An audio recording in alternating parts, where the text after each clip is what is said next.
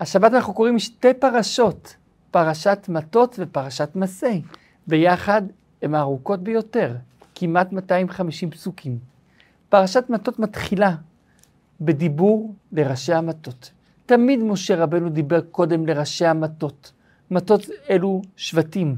תמיד הוא דיבר לראשי השבטים ורק לאחר מכן לשאר העם. אבל פה התורה מספרת לנו את זה, ומכאן נלמד על הכל. למה דווקא כאן התורה מספרת לנו? כדי ללמדך.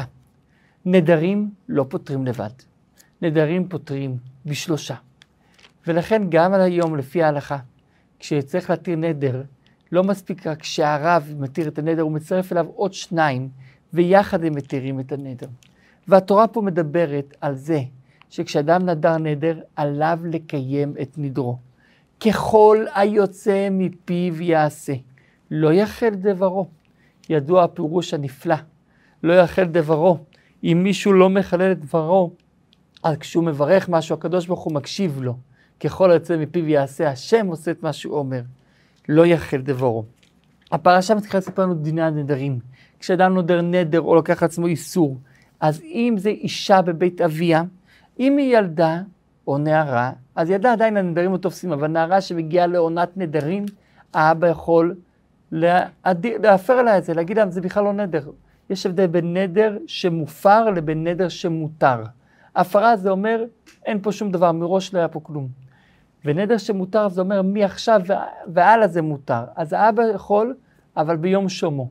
יום שומו זה אותו יום שהוא שומע, אם הגיעה השקיעה נגמר היום, עד השקיעה. ואישה שהיא ארוסה, ארוסה זה אומר שקיבלה את הבת ועדיין לא התחתנה, אז גם הבעל וגם האבא יכולים להפר לה את הנדר. ואישה נשואה, אז הבעל. גבר, אין מי שיפר לו, רק יכול ללכת לרב, והרב יתיר לו את הנדר. וגם אז אפשר להתיר רק נדרים שהם נדרים לא על מצוות. נדרים שהם על מצוות אי אפשר להתיר. מה העניין בנדרים? ובכלל, נדרים זה טוב או לא טוב? לפעמים אנחנו רואים מקורות בתורה שכתוב שנדרים זה טוב. נדרים סייג לפרישות, אומרת המשנה בפרקי אבות. מצד שני אנחנו יודעים שנדרים זה לא טוב, הגמרא בירושלמי אומרת, לא דייך במה שאסרה עליך תורה, שאתה רוצה להוסיף דברים נוספים, אז נדרים זה טוב או לא טוב? אומר הרבי מלובביץ' משהו נפלא, תלוי איפה אתה נמצא בעבודת השם. אם אתה נמצא במצב חזק, נדרים זה לא טוב. להפך, קח את העולם, תברר אותו לקדושה. קח את הטכנולוגיה, תברר אותה לקדושה. אבל אם אתה נמצא במצב חלש או במצב של פיתוי, אתה יכול ליפול. ליפול בטכנולוגיה, ליפול ממשהו. לא שמת את החסמים הנכונים, אתה יכול ליפול, שם כן נדרים זה טוב. אז לכן המטרה היא שלא יהיה נדרים. המטרה היא לקחת את העולם הזה שהשם ברא אותו ולברר אותו לקדושה. אבל אם אדם נמצא במצב שיכול ליפול רוחנית חלילה, שם כן הנדרים עוזרים לא ליפול. והתורה אומרת שאם אישה הפרה את הנדר, השם יסלח לה. מה זה אומר? אומרת הגמרא, הכוונה היא במקרה שהבעל שמע והפר לה את הנדר, והוא לא דיווח לאשתו לה את הנדר. היא לא יודעת שהנדר שלה מופר, והיא חיללה את הנדר. באמת היא לא חיללה נדר, כי באמת הנדר מופר, אבל היא לא יודעת. והשם יסלח לה, היא לכן צריכה סליחה על זה. ומזה לימוד, מה קורה אם אדם עושה בעבירה בכוונה, קל וחומר שצריך שהשם יסלח לו. לאחר פרשת הנדרים, התורה אומרת שהקדוש ברוך הוא קורא למשה, ואומר למשה, אתה הולך למות, אבל לך תנקום את נקמת ישראל במדיין, ואחרי זה תמות. וזו הגדולה של משה. משה יודע שעכשיו המוות שלו תלוי בזה. הוא יכל למרוח על זה על כמה שנים, שנה אימונים, שנה הכנות, שנה יציאה לקרב. יכל למרוח על זה ולחיות עוד כמה שנים, אבל לא התמהמה. הוא עשה את זה מיידית. עם ישראל, כשהוא שומע את זה, עם ישראל כן מחליט להתמהמה כדי להאריך את חייו של משה. וזו הגדולה של עם ישראל. כשמשה היה חי, הם רדפו אותו, עכשיו כשמשה נפטר, פתאום הם לא רוצים. אבל משה מכריח אותם ואומר, לוקח אותם בכוח לצבא. החלצו מאיתכם, מוסר אותם בכוח, כדי שלא יתחמקו מציווי השם. עם ישראל והשם זו אהבה אמיתית. יש פירוש נפלא שרבי לוי יצחק שניאורסון, אבא של הרבי, על הפרשה שלנו. אנחנו רואים שמשה משנה מציווי השם. הקדוש ברוך הוא אומר, לך תנקום את נקמת ישראל במדיין. ואילו משה משנה, ומשה כשהוא קורא לראשי המטות ואומר להם, אומר להם, לכו בואו ננקום את נקמת השם במדיין. השם אמר ישראל, ישראל אמרו השם. כל אחד אכפת לו מהשני, זו אהבה אמיתית. מדיינים פגעו גם בהשם וגם בישראל. הם פגעו בהשם כי הרי הם המרידו את העם נגד השם. הם פגעו בישראל כי הם גרמו למגפה ולמוות. הקדוש ברוך הוא אומר, לא אכפת לי לכבוד שלי, לא אכפת לי לכבוד שלי, אכפת לי לכבוד שלכם. לכו תנקמו את הנקמה ממה שעשו לכם. ואילו עם ישראל אומר, לא אכפת לנו מהכבוד שלנו, אכפת לנו מהכבוד שלך, שלך בורא עולם. בוא ננקום את הנקמה, מה שהם עשו לך. כל אחד אכפת לו מהשני, זו אהבה אמיתית. על דרך זה רבי לוי יצחק מברדיצ'וב, סנגורן של ישראל, אומר על חג הפסח. חג הפסח בתורה נקרא חג המצות. חז"ל ואנחנו קוראים לזה חג הפסח. המצות עם ישראל עשה. הפסח השם פסח. כל אחד משתבח בשני, הקדוש ברוך הוא משתבח בנו, אנחנו משתבחים בו. אותו דבר יש לנו גם כן חג שבועות. חז"ל קוראים לו חג מתן תורה, בתפילה אנחנו אומרים זמן מתן תורתנו. בתורה זה נקרא חג השבועות. השם משתבח בעם ישראל שספר את השבע שבועות. עם ישראל משתבח בהשם שנתנו מתן תורה. זו אהבה אמיתית, כל אחד דואג לשני. אומר הקדוש ברוך הוא, לכו תנקמו את הנקמה של מדיין. רגע, מה עם מואב? רגע, מואב נקמו. אלא בואו נבין קצת את האזור שלנו גיאוגרפיה. מואב זה האזור אחרי ים המלח של היום, מזרחית לים המלח. עם ישראל נמצא בערבות מואב, קרוב ליריחו, צפון ים המלח, שם עם ישראל נמצא. איפה, איפה מדיין? מדיין זה סעודיה, צפון סעודיה של היום. מזרחית דרומית לאילת. זה לא באזור. המואבים היו מאוימים מאיתנו. היינו על הגדרות שלהם. אומר הקדוש ברוך הוא, אני מבין שהם ניסו להילחם בכם, אבל המדיינים נכנסו לריב לא לכם. מה הם הגיעו בכלל? הם ריב לא להם, בכלל לא באזור. הם הגיעו סתם להילחם, סתם אנטישמים, לכו תנקמו את הנקמה. וגם, במואב יש לנו תכלית. ממואב תצא רות המאוביה, ממנה יצא בעזרת השם מלך המשיח. במדיין אין לנו שום דבר. בקבלה ובחסידות מדיין מסמל את מי שבא להילחם בלי שום סיבה. קליפת מדיין זה הקליפה של המדון, של המריבה, של המחלוקת. וצריך להילחם במחלוקת, לא להיות צד במחלוקת, לברוח מהמחלוקת. ואם יש מחלוקת, אנחנו לא שם. ולכן במלחמת מדיין, זו הפעם היחידה ששבט לוי נלחם, כי במחלוקת כולם צריכים לברוח. ואומר הקדוש ברוך הוא למשה, קחו אלף למטה אלף למטה, משה שולח אותם, אלף מכל שבט, גם משבט לוי, כי זה נקמת השם, כשזה נקמת השם גם שבט לוי שותף. שולחים אותם יחד עם פנחס בן אלעזר, והולכים ותופסים שם את המדיינים והורגים את הזכרים. הם רואים את חמשת מלכי מדיין ואת בלעם בן באור. מה בלעם עשה שם? בלעם בכלל גר בסוריה. איך הוא הגיע לסעודיה, למדיין? בלעם הגיע לחפש את הכסף על העצה שלו. וזה מה שכתוב, החמור, הגמל, הולך לחפש אוזניים, ובסוף הגמל הולך לחפש קרניים, בסוף חוזר בלי אוזניים. בלעם הלך לחפש כסף, בסוף חזר בארון מתים. זה מה שקרה לו. אבל כשהוא מגיע לשם והוא רואה את עם ישראל מגיע, הוא אומר כישוף, וכל חמשת מלכי מדיין יחד איתו עולים לאוויר. לוקח פנחס את הציץ ומכוון עליהם ונופלים אחד אחרי השני.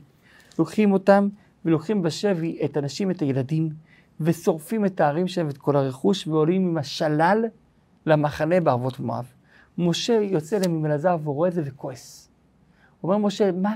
אתם הכיתם את הנשים? הרי הם אלה שהכשילו את ישראל, מי עשה פה את המלחמה? החיילות היו אנשים, דווקא אותם השארתם בחיים? דווקא אותם היה צריך להרוג.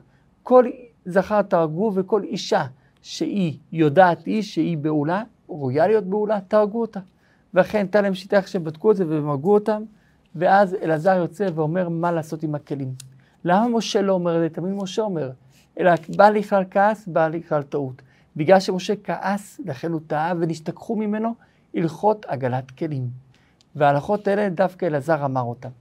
ואת ההלכות האלה אנחנו עושים עד היום הזה.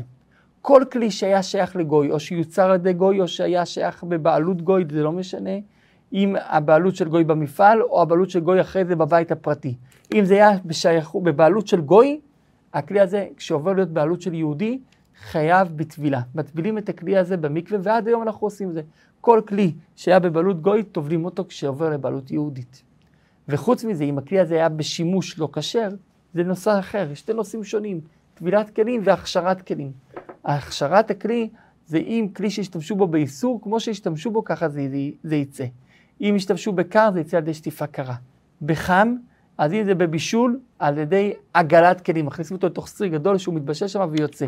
ואם זה על ידי האש עצמו, כמו שיפודים או כמו תבניות רשתות, אז יוצא גם כן על ידי האש עצמו. לאחר מכן אומר הקדוש ברוך הוא, תיקחו את כל ה... מה שהבאתם, כל השלל, ותעשו מזה חצי חצי. חצי ילך לאנשי המלחמה, וחצי ילך לכל העם. מהחצי של המלחמה, תיתנו אחוז אחד מן החמש מאות לאלעזר הכהן. ומהחצי של עם ישראל, תיתנו אחוז מהחמישים, זאת אומרת שני אחוז ממאה, וזה תיתנו ללוויים, שומרי משמרת משכן השם. ולכן התורה מונה איך הם עושים את זה, וככה 1 חלקי 500 מחצי הולך לאלעזר, ושני אחוז הולך ללוויים. ואכן התורה מונה את הכל ועושה פה סדר ללמדך. כשיש כסף ציבורי, חייב להיות סדר. לאחר מכן התורה מספרת שהיה פה מקנה רב לבני גד ובני ראובן, והם מגיעים למשה ואומרים למשה, תראה, אנחנו יש לנו מקנה רב, והארץ פה היא ארץ מאוד טובה. תן לנו את הארץ הזאת, ובואו נתנחל לפה, לבנות פה לעצמנו את הבתים שלנו. משה כועס עליהם. משה מתחיל להוכיח אותם, הוא אומר להם, ככה בדיוק עשו המרגלים שלא רצו להיכנס לארץ, אתם כמוהם. עד היום אנחנו סובלים מזה, 40 שנה נשארנו במדבר.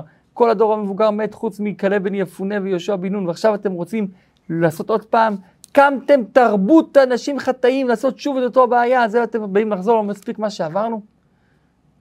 והם באים והם אומרים, לא, אנחנו נצא למלחמה, נצא ראשונים. בפשטות זה נראה שמשה כעס עליהם סתם ולא הבין אותם. אומר אדמו"ר הזקן בתניא, לא. הם באמת לא תכננו להיכנס למלחמה, הם תכננו לקחת את זה ולהישאר שמה. אחרי שמשה צעק עליהם, הוא עורר אותם והם אמרו בואו ניכנס למלחמה. ואכן משה עושה איתם תנאי כפול. אם תיכנסו ראשונים למלחמה, תקבלו את השטחים האלה לכם, אתם בינתיים יכולים להשאיר שם את הילדים, את הנשים, אתם תיכנסו חיילים ראשונים. אם לא, אתם לא תקבלו את זה. בני גד ובני ראובן מסכימים, והם מוותרים על הנחלה שלהם בארץ ישראל המערבית, והם מחברים את ארץ ישראל המזרחית למערבית, ולוקחים בארץ ישראל המזרחית, שזה עבר הירדן.